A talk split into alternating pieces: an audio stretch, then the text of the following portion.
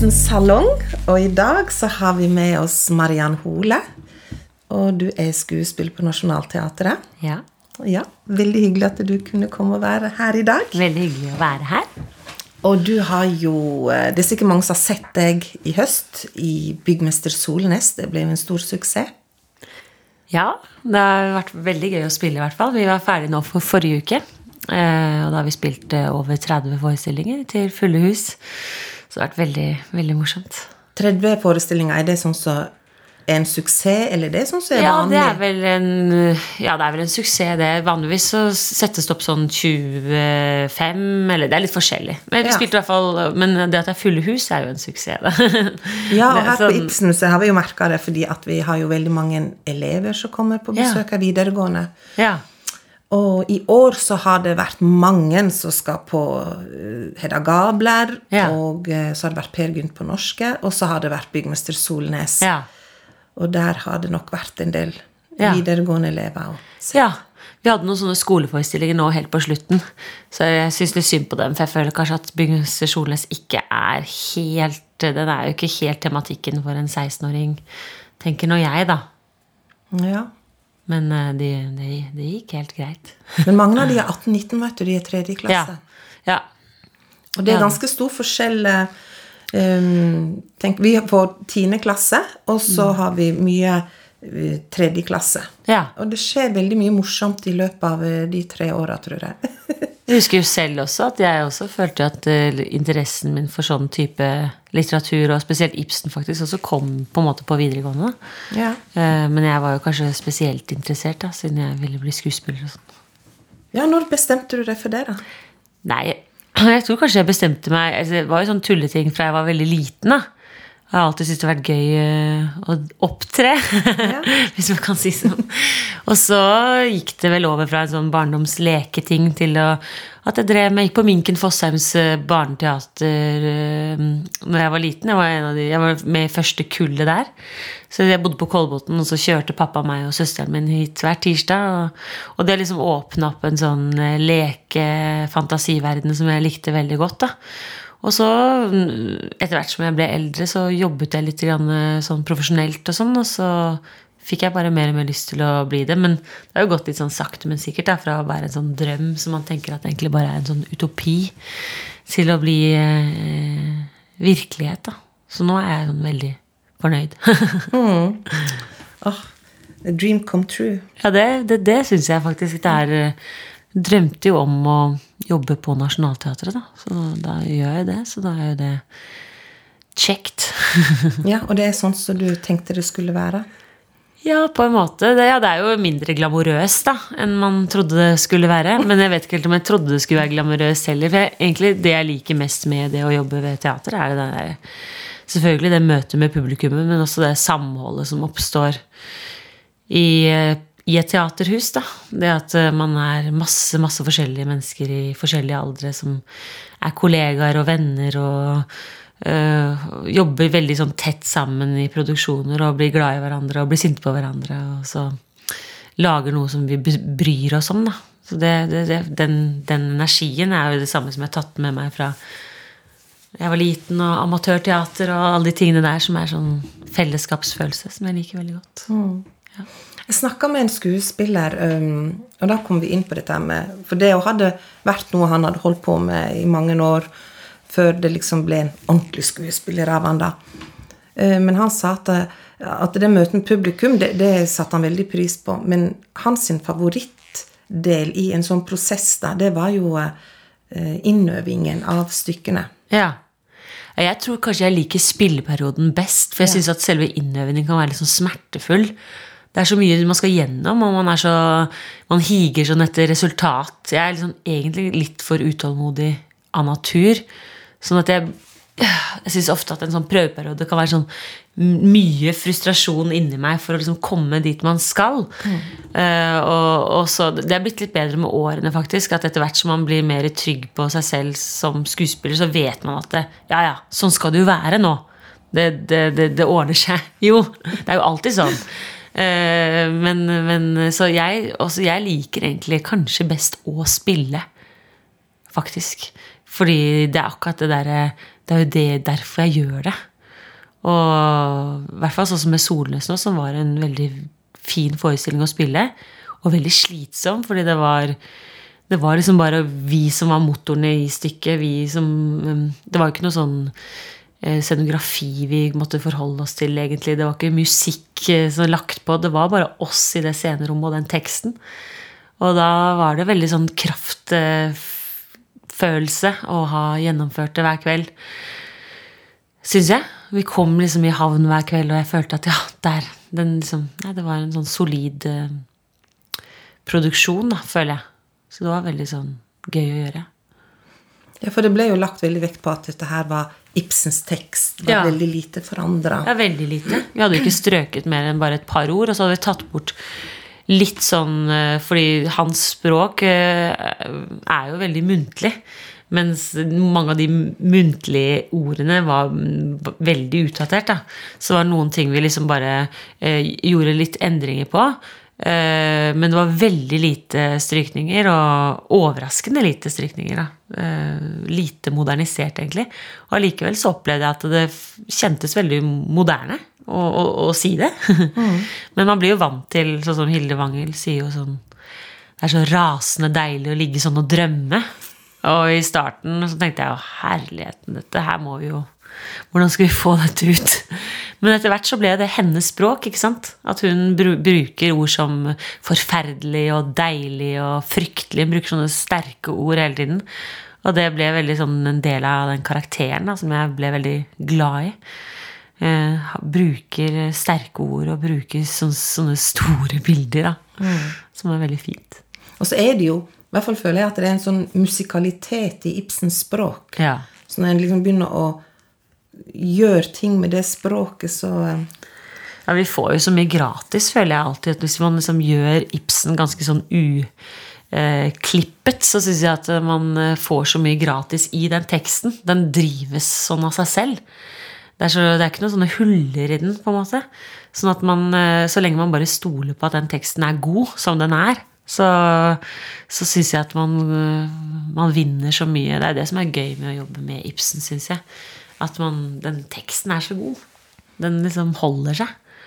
Eh, så det er Ja, det er alltid en gave å få gjøre Ibsen, syns jeg.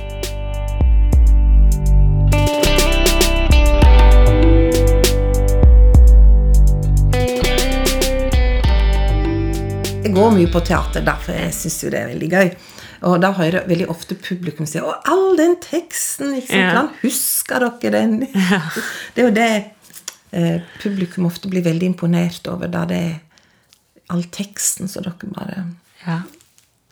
Hva Ja, du med å få inn tekst? Ja, tekst det er jo så kjedelig som god, gammeldags pugging, da. Det er jo så kjedelig. Det er jo å få inn den teksten. Det satt hele sommer eh, og pugga. Og så, og så er det liksom selvfølgelig det å få det i kroppen og sånn, så sitter det jo mer og mer. Og når det først sitter, så sitter det ordentlig. Og det er jo sikkert en sånn at hjernen er trent da, til å huske tekst på den måten. Eh, Så selve tekst eh, Det blir jo som et, å øve inn et musikkstykke, tror jeg. At man bare Det, det flyter etter hvert som man eh, blir tryggere og tryggere på den, så er det helt logisk at det, den setningen kommer etter den setningen. Men er, i starten er det jo bare pugging.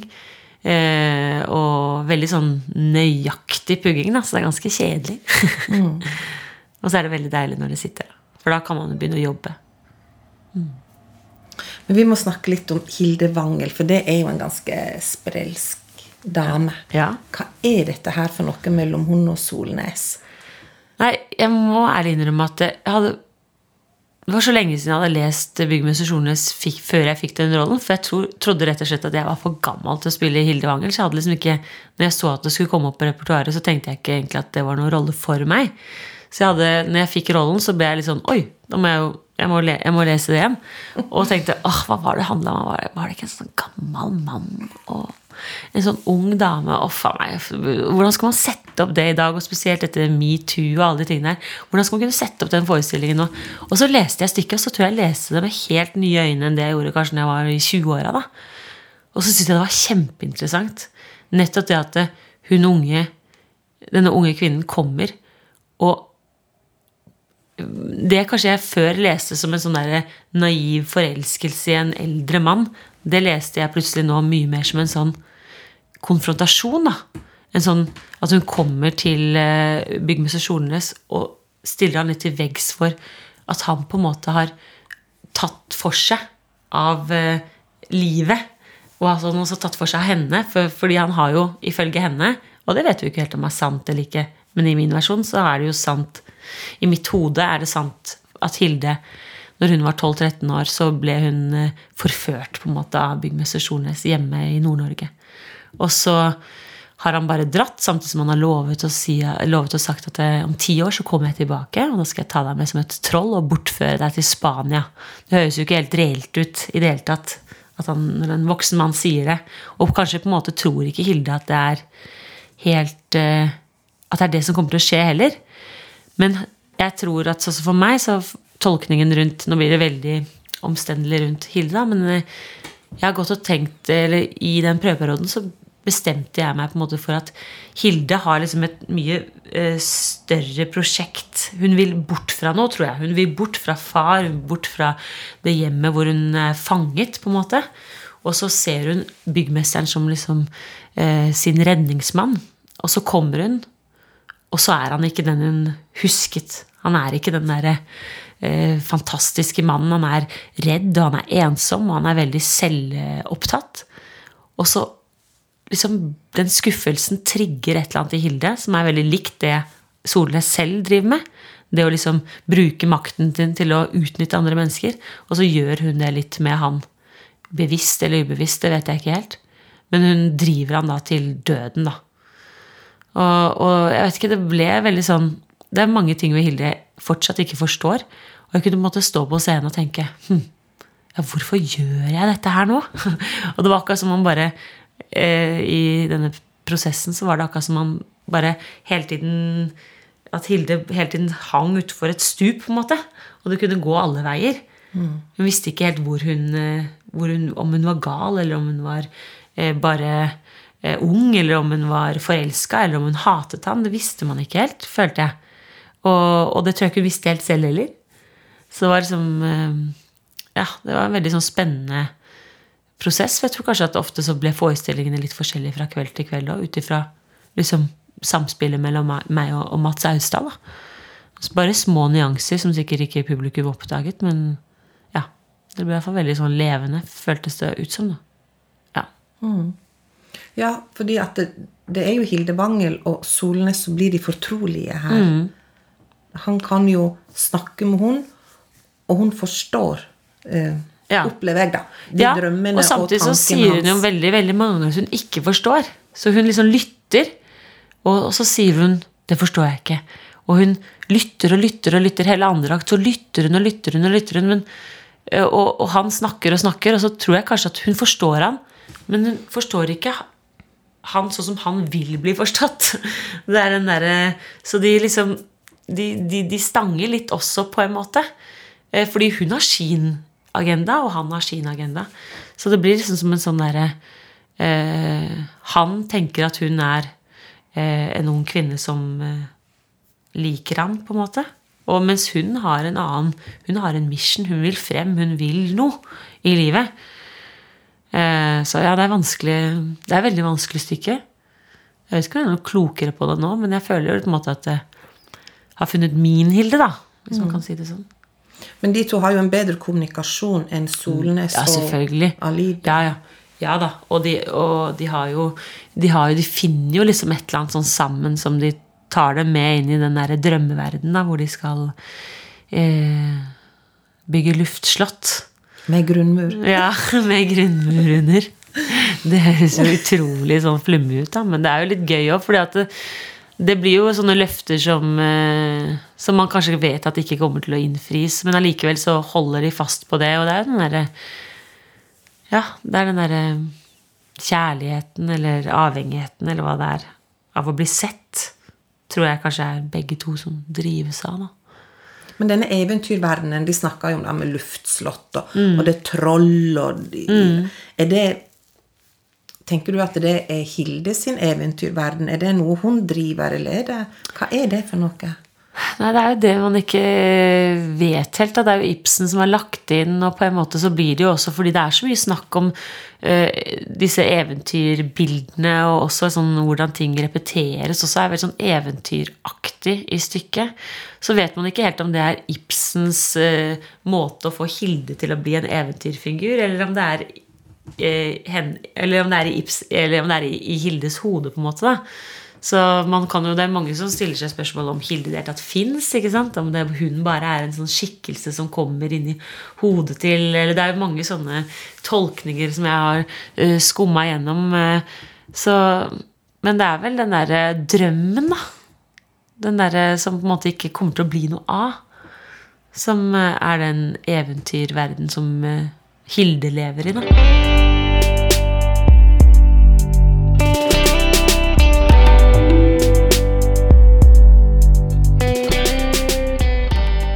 ganske tidlig i stykket så sier jo Hilde at ja, hun kommer om hun får vaska undertøyet sitt. Ja, ja, hun er jo litt vovet der.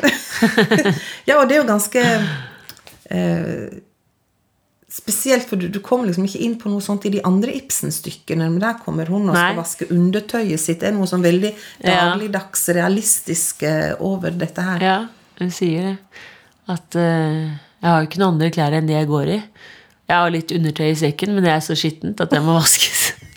men det er jo litt sånn uh, Det er jo litt gøy, da, for at når man leser det, så tenker man jo Noen ganger så tenkte jeg åh, Ibsen, der prøver du å være sånn frekk. Der prøver du å være sånn der sjokkerende frekk, og da blir jeg nesten litt sånn irritert, hvis du skjønner, for da kjenner man at åh, hun skal komme inn og være sånn frisk og rød i kinnene og og så skal hun snakke om undertøyet sitt og være helt sånn gæren. Og så blir man litt sånn, får man litt sånn turnoff av å Skal det være sånn ungpike som kommer og er sånn gæren? Det er jo det er så typisk på en måte. Men, eh, men det var litt gøy, og den slo an forskjellig hver kveld, den der undertøyet i sekken. Noen ganger så var det sånn Og noen ganger lo folk veldig. Det er sikkert avhengig av hvor godt de kjente Ibsen, da, men eh, Eller om de syntes det var ekkelt eller ikke. Men eh, ja. Ja da, det er jo sånn, eh, en sånn muntlighet som Hun er jo litt frekk, da. Og hun tuller jo veldig med han. På en måte også, Hun sier jo det at Unnskyld, hun sier at han skulle, skulle, ønske at han var mer som en viking. At han kom og tok henne ja. så liksom tok henne med makt. Og akkurat sånn som vikingene, og det må ha vært spennende. Og liksom, det er jo sånn, Hun driver og utfordrer han hele tiden. Da, på, han tøffer seg litt kanskje også, da. Ikke sant? Tenker jeg. Hun Hilde. Ja. Uh, tøffer seg nok litt, ja.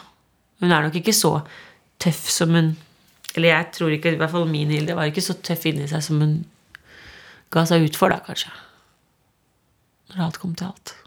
Men du nevnte jo metoo, og jeg satt jo i salen og så på dette her og tenkte at det, det her er skrevet i begynnelsen av 1890-åra, ikke sant? Ja. Og her sant, Det med Ragnar og, for, og Hun skal ikke få loven Hva het hun, da? Hun som jobber, ja, hun, hun som jobber hun på kontoret. Hun het Kaja Fossli. Kaja, selvfølgelig. Og hva, hva byggmesteren bruker seg på henne. Ja, ja, ja. Altså, og der bare tenkte jeg at det her er jo metoo, så det holder. ikke sant? Og man blir så sint man blir så sint når man Eller jeg husker når jeg leser, så ble jeg så sint eh, bare Nei, men guri meg, skal vi sette opp dette nå?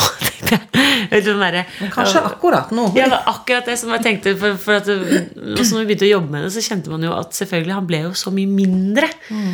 eh, enn det jeg opplevde når jeg leste det for mange, mange, mange år siden. Da. At da var han litt mer sånn opphøyet i mine øyne, på en måte. Eh, for tidene har jo forandret seg veldig, og spesielt de siste årene nå så har det blitt mye mer sånn eh, vanskeligere å, komme unna med sånn oppførsel. ikke sant? Og derfor så ble det litt annerledes, tror jeg, hele den produksjonen. At, eh, at, at, at han måtte stå litt mer til ansvar for sine handlinger enn det kanskje man ville gjort for ti år siden. Mm. Og det at han ble litt sånn mindre og mer patetisk. Ja. Syns jeg, da. Også dette her med generasjon. ikke sant? Altså, Nå skal vi jo stå lenger og lenger i jobb. Mm. Sånn, pensjonsalderen øker og øker. ikke sant? Mm. Og samtidig så kommer det unge mennesker som vil inn og opp og frem. og den der generasjonskonflikten Ja. som er der da mellom Ragnar og byggmester Solnes. ikke sant? Eh, og rett før jeg så eh, det stykket her på Nationaltheatret, så så jeg et, et klipp på fjernsyn om en leder som hadde tatt seg noen friår. Og nå vil han inn igjen i arbeidslivet. Ja. Men han ble jo ikke kalt inn til intervju engang. Og han var vel var midten av 50-åra eller noe sånt, og han skal vel jobbe til han er 70, sånn som Ja. alle andre. Så det, det var, jeg bare tenkte at det er så utrolig at eh, dette stykket som er så haugammelt, for å si det sånn, da, har en sånn relevans i dag, som Ja. bare snakker direkte til oss ja. om de problemene og de utfordringene og det samfunnet vi har i dag. Ja. Og den derre Nå er jeg 37, så jeg er jo mye eldre enn Hilde Wangel, da. Men, for hun er jo 23. Men å stå der på scenen og si Men er den ungdommen noe å være så redd for, da? Eh, spesielt når det var mye ungdom i salen. Og man var litt sånn redd for at det skulle være for kjedelig. Så kjente jeg så skikkelig på hvordan liksom det er av og til så, er av og til noen replikker i stykker man spiller, er sånn Treffer mer enn andre. Ja. Men spesielt den 'Er den ungdommen noe å være så redd for', da, skal Hilde si til byggmesteren.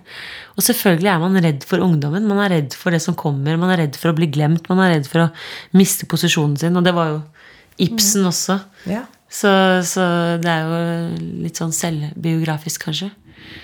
Eh, så det, det er veldig relevant. Veldig.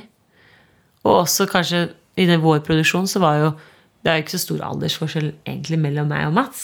Men selvfølgelig hvis jeg er 23 og Mats er nærmere 50, så er det jo en ordentlig aldersforskjell som vi på en måte prøvde å, å spille, da. Men allikevel så er det den derre midtlivskrisa, da, som eh, som han er i. Eh, Eller kanskje sånn livskrise. Som, eh, som er veldig sånn universell. Mm. Så det er godt skrevet. Jeg spilte jo for noen år siden i Mysterier, og da leste jeg den uh, biografien til han uh, Kolloen om Hamsun. Uh, For, ja, og da, for Hamsun var jo kritiker av Ibsen akkurat i den tiden hvor eh, byggmester Solnes ble skrevet. Så hadde han jo foredrag i Ja. Kristiania hvor, hvor Ibsen kom. Gjorde han ikke det? Han kom og så de foredragene hvor han uh, reiste rundt egentlig som en sånn promoturné reiste rundt i Norge og, og slang dritt om uh, forfatterne i, i samtiden. De eldre forfatterne. Han var jo ordentlig frekk. Han, eh, men jeg husker jo i Mysterier så slenger han jo dritt i Mysterier så slenger han jo dritt om, om Ibsen.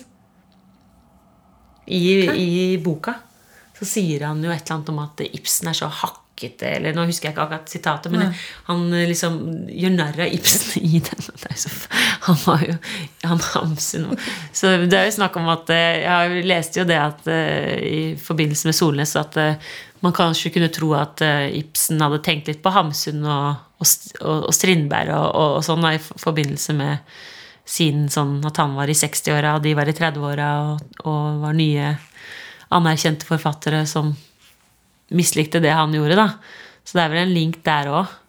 Men det er jo et eller annet eh, gøyalt med at han at han Hamsun var vel Han ville vel kanskje skrive for scenen, da, jeg vet ikke. Han var sånn sjalu, han. På Ibsen. Var han ikke det? Det, fikk inntrykk av. Ja, men altså, det var jo to store personligheter, ikke sant? Ja. Mm. Og så skal de ha plass, begge to, da. Men eh, Ibsen var jo nede og hørte på foredragene, ja. Og sammen med seg hadde han sin gode venninne Hildur Andersen. Ja, hun var med der, ja. Mm. Ja selveste. Ville skogsfuglen. Ja, så for hun er jo en av de som jeg har sett på lista. Han hadde flere sånne kilder. Ja. Ja.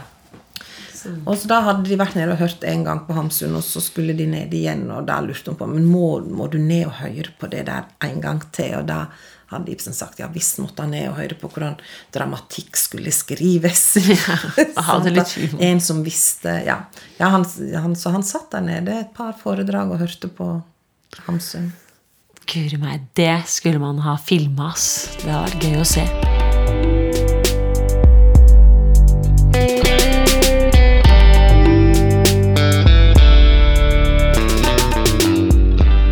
Det er jo litt spennende å tenke på at der, satt, eh, eller der sto Hamsun og, og fyrte løs på Ibsen, og han var gammel, og sant, tiden hans var forbi. Og så sitter Ibsen der da med Hildur Andersen ved sin side, og hun er jo yngre da enn Hamsun. Ja. Så her Ja, kanskje det er litt byggmester Solnes der. Han skrev jo brev og, og underskrev med 'Din byggmester'. Ja, ikke sant. Ja, det er jo det. Også, det er, for jeg husker jeg gjorde jo litt sånn research da før Før og under prøve, prøvene, og da det var det et par sånne Det var en, en i München også. Det var noen sånne brevvenninner som det var liksom ikke noe seksuelt, virket det som, men det var men det var en sånn eh, connection med de unge kvinnene som han fikk næring av. Han Ibsen. Ibsens prinsesser.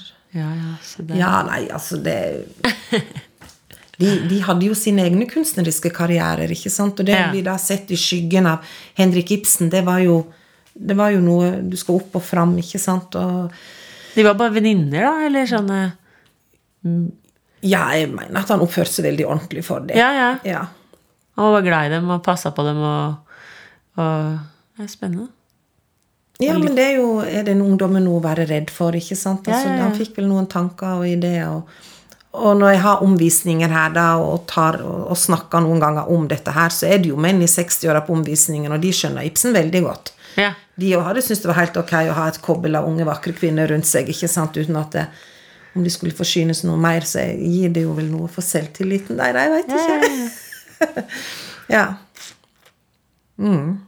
Hun kona, hun satt hjemme da, eller? Susanna, vet når han bodde her, så bodde han jo først på Victoria terrasse. Ja. 1891 til 1895. Og han hadde leid leiligheten der nede uten å snakke med Susanna. Å ja. Ja, og hun hadde leddgikt, så hun klagde fælt på de lange, kolde gangene der. For hun ble syk av å bo der, så hun flytta tilbake til Sør-Europa. Så Ibsen bodde jo mer eller mindre alene her disse åra. Ja. Og så kom hun, kom hun hjem igjen om sommeren når det var litt varmere og sånt. Ja. Men så får hun høre rykter om eh, vennskapet til Hildur Andersen og Ibsen. Og Ja. da skriver hun brev til Ibsen og lurer på om han vil ha skilsmisse. Eller en ny livsledsagerske, skriver hun da. Ja. Og det vil ikke Ibsen ha. Han vil ha Susanna hjem igjen, og de skal leve som ektepar. Ha sin kone hjem. Og hun må ikke høre på disse ryktene om dette, for det, det er ikke noe sant i. De var gode venner. Så da lover han å finne en ny leilighet. Og derfor så har vi leiligheten her i Arbins gate 1. Oh, ja. Eh, og da leide han den, og nå var han klok av skade, så leide han den i andre etasjen. Og denne bygården var bygd i 1895, så Ibsen er den første til å flytte inn her. ja. Helt ny leilighet. Ja, Så da leier han denne her uten å snakke med Susanne Eier. Men han er ganske sikker på at hun kommer til å bli fornøyd. Og han skriver brev der han forklarer de ulike rommene. Og spesielt spisestuen er han veldig stolt av, så vi tror nok at Ibsen selv har hatt mest med interiør å gjøre i spisestuen. da. Skal ha store middagsselskaper, skriver han der.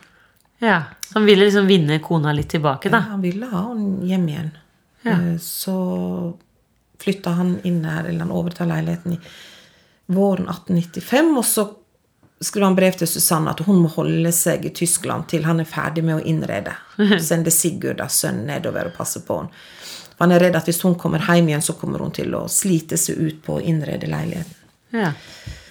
Så da kommer hun om høsten, og så bor de her da fra 1895 til eh, Ibsen dør i 1906, og Susanna dør i 1914. ja. Og Ibsen var jo veldig redd for at uh, Susanna skulle dø før han. Ja. Så han sa det at hvis du går først, så kommer jeg rett etter. Å ja, så han var ordentlig glad i henne. Ja, det tror jeg nok at de var. Det var jo, de var jo gift i over 50 år, Ja, ja, ja. ikke sant? Og Ibsen forlot ham vel et par ganger, men kom tilbake. og Susanna forlot Ibsen ja, et par ganger. Hun forlot han, ja. Ja, og kom tilbake. Ja. Uh, ja. Så, men det er vi, vi pleier av og til å Eller av og til vi har feira Valentine's Day her på Ibsen-museet, men vi kan ikke kalle det Valentine's Day, ikke sant? Um, så da har vi kalt det Den romantiske Ibsen, og da har jo jeg sittet og lest litt brev og sånne ting. Og jeg krangla mye med Ibsen. Det må jeg si. Eh, Og når jeg leser da breva til Susanna, så er det 'Kjære Susanna', og så går han gjennom hva han spiser når han er ute og reiser, og hvor billig han spiser, og hvem han har møtt. Og så avslutter han ofte med at eh, han, han håper at eh, Susanna og Sigurd spiser godt, gjerne fisk og laks. ja. Ja, Og så fant jeg et brev til Hildur Andersen, og det begynte med 'Til min ville skogsfugl'. Så det var en litt annen eh, tilnærming der, Jeg skjønner, og det er jo helt Det er jo det Det er jo gøy, for byggmester Solene sier jo Du er liksom en eh, vill skogsfugl, du. Og så sier Hilde Nei, det er jeg ikke. Jeg gjemmer meg ikke bort under buskene. Det er så gøy. Altså, jeg vil heller være en, en rovfugl. Heller det, ja. Ja. Så det, det, ja, kanskje det, var, det, var, det var kanskje en ekte samtale han hadde hatt med hun Hildur. Da. Det er kanskje det. Så hun sa pff, ikke kall meg skogsfugl. Det er jo ikke ikke noe sånn due. Skogsdue, jeg. Men nå er vi vel kanskje inne på det der med sånn Vigdis Hjort og Knausgård. Ja, ikke sant? Det er ikke Um, sikkert han er helt selvbiografisk heller. Nei, men det går jo an bare å sette fingeren på og, og se det, ikke sant? Ja, han tok vel inspirasjon i hvert fall fra Ja. tiden han levde i, og, og de han var omga seg. Han var, han var jo i hvert fall en menneskekjenner, så, og det må han jo ha tatt fra at han var interessert i mennesker. Og jeg tenker på i Byggmester Solnes der han klatrer helt opp i tårnet, ikke sant? Ja. Og da får han jo skikkelig utsikt, vil jeg tro. Ja. Han får overblikk. Ja. Og Ibsen sa jo noe sånt om at eh, å, å dikte er å se. Ja. Og at når han skulle skrive, så måtte han ha frastand til det han skulle skrive. I motsetning til en kunstmaler så måtte han nær motivet nært. da. Ja. Og da tenker jeg på han byggmesteren som står oppå han, og han ser, men allikevel så har han frastand. ikke sant? Så det, ja. ja, jeg kan bare sette fingeren på det og si at jeg, jeg ser det her, og så gå videre. Han gleder seg over at han har sett noe. Ja, ja. Men Hilde, har hun gjort noe med deg? Gjør det noe med skuespillerne, de ulike rollene de spiller? Jeg tror kanskje at eh, at eh, den, eh, akkurat den produksjonen her har på en måte gjort en sånn Det har gitt meg en liten sånn aha-opplevelse i forhold til at eh, At I forhold til at man kan gå inn og tenke at noe skal bli sånn, og så blir det ganske annerledes. Eh, Kanskje fordi jeg på en måte fryktet litt å gjøre enda en sånn eh, ung eh, en, en rolle som er mye yngre enn meg. Så ble jeg redd for å liksom At det skulle bli banalt, på en måte. Tror jeg. Eh, og så fant jeg vel et eller annet Jeg fant litt min Jeg hadde en, en Vi har en stemmepedagog på teatret som jeg også hadde som stemmepedagog på Teaterhøgskolen. Og hun eh, Og rett etter premieren så fikk jeg litt sånn stemmeproblemer. Jeg har en toåring også, så vi har veldig, vært veldig mye forkjøla. Men i tillegg til det så ble jeg mista jeg stemmen, og så snakket jeg med hun pedagogen, og så sa jeg at jeg har slitt litt med stemmen og vært litt hes og sånn, og så sa hun at ja, det er jo ikke rart. Og så sa jeg hva mener du, hva er det ikke rart? Nei, du står jo akkurat sånn som du gjorde når du kom inn på Teaterhøgskolen.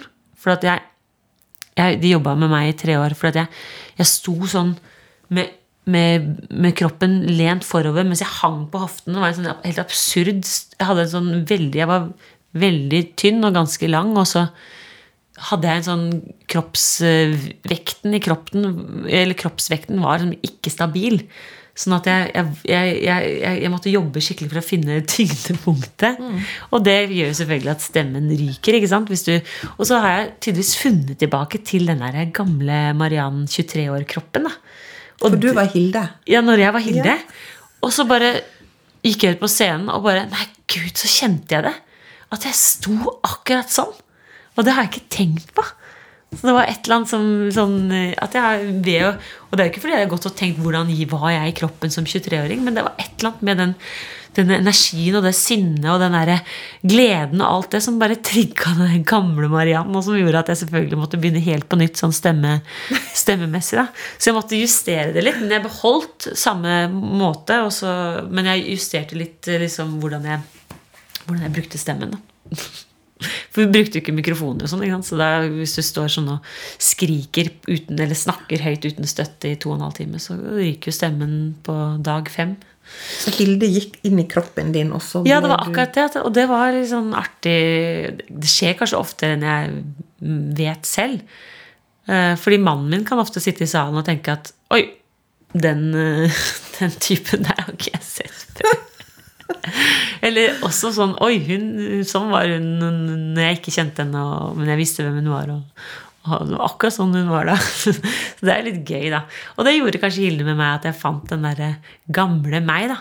Og også da ble jeg litt sånn ble litt sånn glad i den gamle meg, på en eller annen måte. Som var usikker og misfornøyd med tilværelsen og sånn frustrert, sikkert. Jobba i bar og, og visste ikke hvem jeg var. Så ble jeg sånn Å ja. Var bare litt sånn ung, ja. Og litt sånn utilpass. Ja. Det var ikke så farlig. Så det var Det gjorde Hilde litt med meg, da. Kanskje. Jeg syns det var veldig gøy å spille Hilde, faktisk. Mye morsommere enn jeg hadde trodd. Men har, så det har noe å si, eller har det noe å si i livet, tenker du, hvor du er når du skal spille ulike roller? Hvis, altså, sånn som jeg oppfatter nå, så ville, Hvis du skulle ha spilt Hilde når du var 23 enn 37, så hadde det blitt to forskjellige. Ja, det tror jeg. Ja. Det tror jeg nok, altså. Jeg tror ikke, tror ikke det var noe dumt at jeg var eldre enn 23. At, jeg gjorde, at, jeg litt, at jeg kunne se det litt utenfra. Tror jeg. Eh, Jeg tror det var en fordel for meg, da. Jeg er veldig glad jeg ikke spilte den rollen som 23-åring. Men også sikkert at eh, Ja, man er jo mer erfaren, da. Så man har litt mer oversikt i hodet. Kanskje. Men har du spilt noen andre Ibsen-roller? Første, første tingen jeg gjorde på Nationaltheatret for ti år siden, var eh, Petra da, i eh, En folkefiende. Med Mats Austdal. Oh ja, så dere Så- er liksom et sånt Ja, Ibsen-par, da. Ja, ja, vi sånn- vi har spilt, Mats og jeg har spilt alt mulig rart. Vi har spilt, jeg har spilt lillebroren hans i Brødrene Karamazov. Og så har jeg spilt datteren hans, og nå har jeg spilt Hilde Wangel. Og på TV-serier som kommer, spiller jeg narkomane dama hans. Så vi er radarpar, vi, altså. Men så vi har prøvd Ja, hva er det som gjenstår nå? At jeg spiller mora hans? Ja. Det kommer sikkert, det òg. Men Petra er jo en eh, Da er vi jo litt inne på det Ibsens kvinner, tenker jeg. ikke sant? ja. Eh, For det er jo hun som Jeg tenker Petra i En folkefiende. Da er det jo hun som stiller det der viktige spørsmålet, syns jeg, da. Hva vil onkel si Mm. når eh, man har funnet ut dette her om vann og forurensning og alt, og så, ja, så spør hun dette viktige spørsmålet. Og jeg syns ofte i, i En folkefiende så er det jo kvinnene som stiller de gode spørsmåla, men de er jo helt tilbaketrukket. De har jo ikke noe viktig rolle, på en måte. Nei, mennene de vil styre på. De holder og styrer på hele Ja, tida. Jeg husker vi sto mye i bakgrunnen der. men, men de er viktige roller av den Peder-rollen er veldig tøff. Og det var en veldig bra sånn debutrolle for meg på Nationaltheatret. Selv om jeg husker at en kritiker skal ikke nevne navn, kalte meg en forvokst Hva var det? Uff a meg. En vi forvokst, en forvokst En forvokst ungdom, kalte hun meg. Og det, den satt. For det, det var nok det jeg så ut som også. Med sånne strømper og foldeskjørt, og det var litt rart, kanskje. Men det var veldig fin forestilling å gjøre, faktisk, eh, sånn som debut. For det er jo litt, av og til litt bra å kunne stå litt i bakgrunnen og være litt sånn sannhetsvitne også. Når man er litt ny. Eh, Holde seg litt litt low-key. Men Men er Ibsen noe du har lyst til å spille mer av? ja, veldig, jeg er veldig glad i Ibsen, og må ærlig innrømme Fordi jeg skulle hit nå, så har jeg tenkt litt på liksom hva Ibsen betyr på en måte for meg. Og jeg tror kanskje den betyr, han betyr mer for meg enn jeg egentlig liksom har tenkt så mye på. Jeg husker jo at jeg Jeg tror jeg har Sikkert fordi jeg ville bli skuespiller og så var litt spesielt interessert, så ønsket jeg meg Ibsen samlede når jeg fylte 18, og fikk det. Og så i, i går kveld så satt jeg og bladde litt i det. Og det, de er veldig søte, de Ibsen. Så jeg har fire sånne hvite Ibsen samlede, sånn kjempefine som jeg fikk av mamma og pappa. Og da har jeg skrevet med blyant og kulepenn. Og jeg, altså jeg har lest, og det kan jeg på en måte ikke huske, men jeg har lest veldig mange av de, spesielt de kvinneklassikerne. da. Og notert, og jeg kjente det må jeg sette meg ned og se hva er det jeg skriver. For jeg, jeg var veldig interessert altså, i, i Ibsen. Og ja. Og så tror jeg ja, jeg, liker veldig godt eh, måten han skriver på. Jeg liker veldig godt å spille teksten hans. Og, så ja, jeg, jeg vil gjerne spille mer Ibsen. Og drømmerollen din er da? Det, det har jeg også tenkt på da, siden jeg skulle hit i dag. Og før var det drømte jeg veldig om var Jeg tror kanskje det var for jeg så Kjersti Holmen i en fantastisk forestilling som Fruen fra havet. Så, så drømte så, så syntes jeg det var så fin rolle. Og så Men det var når jeg var yngre, da når jeg var i starten av 20-åra. Så drømte jeg om det derre friheten til å velge og alle de der tingene der, kanskje. Men de siste årene så har jeg sånn veldig lyst til å gjøre et dukkehjem. Ja. Det er kanskje fordi jeg har fått barn selv, og kanskje fordi jeg er gift, og kanskje jeg er liksom i en annen Men eh, en rolle som jeg Jeg vet ikke, har vært veldig gøy å gjøre Nora inn nå, liksom. Så det, ja, det er et ønske. Hvis Hanne tømte å høre på. Nei da. Må du høre Hanne tømte? Nei, veldig, det syns jeg har vært veldig gøy. Kjenner jeg. Og jeg gjorde Jeg studerte litt i USA, i New York, og da gikk jeg på New York University og på Lee Strasberg Institute, og da hadde jeg et, en, en, eh, en klasse med en lærer som heter Jeffrey Horn, en gammel sånn skuespiller. Han er 80-90 år nå. Og han, eh, der, der, der skulle vi gjøre sånne små monologer, og så da gjorde jeg liksom en ganske sånn røff krøssklepp, vil jeg si, av Nora, men også avskjedsmonologen hennes. Og det var så gøy, for jeg gjorde det på engelsk eller amerikansk, og, det, og så var det jo bare utenlandske og amerikanske studenter. Og så sa han eh, Og så gikk det vel sånn ganske greit, men ikke veldig bra. Jeg var bare 24 år eller sånn. Og så sa han læreren min at eh, Jeffrey sa Du, kan du gjøre det på norsk? Og så gjorde jeg det på norsk. Foran eh, liksom 200 studenter. Jo, jeg kunne den ganske bra på norsk, men jeg måtte liksom tenke underveis. Men det var så gøy. Fordi da, da følte jeg sånn Det var jo veldig interessant for de studentene. Og så følte jo selvfølgelig jeg også at den teksten traff meg jo helt annerledes på mitt eget språk. Og så var det veldig sånn Det var, sånn, det var et sånn øyeblikk som jeg aldri glemmer. At jeg bare Jeg gjør det på norsk. Og så, så plutselig var jeg liksom mye mer i det. Og, og så var det veldig gøy for alle de andre å høre Ibsen på originalspråket. Så det var veldig sånn ja, et sånt øyeblikk. Og det har jeg tenkt litt på. At jeg liker veldig godt den dukkehjem-teksten. Men hvorfor skal vi sette opp et dukkehjem i dag, da? Er, det et viktig stykke for uh...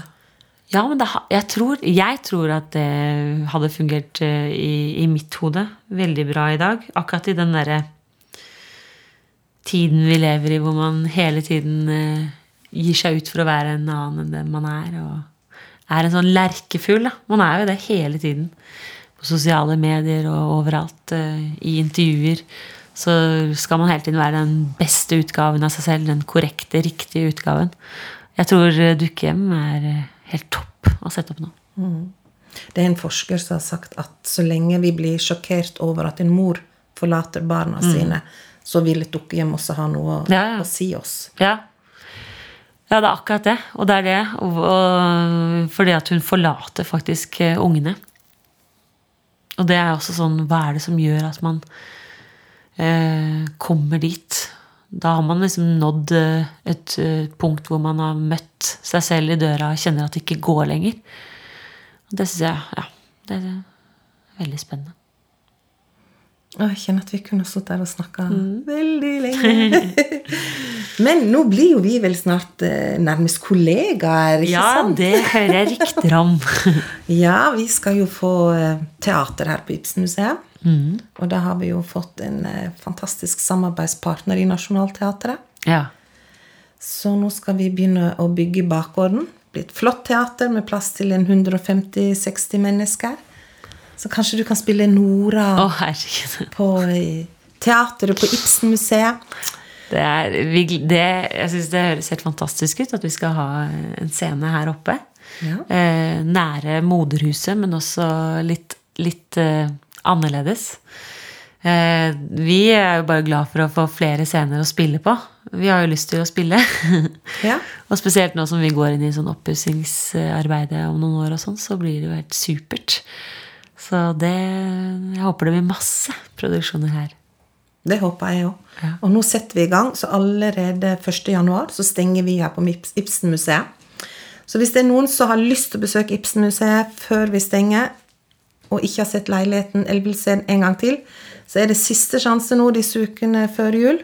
Kom, kom, kom. Ja, for vi åpner ikke igjen før eh, høsten 2021 med en sikkert en helt fantastisk åpningsforestilling. Oi, oi, oi.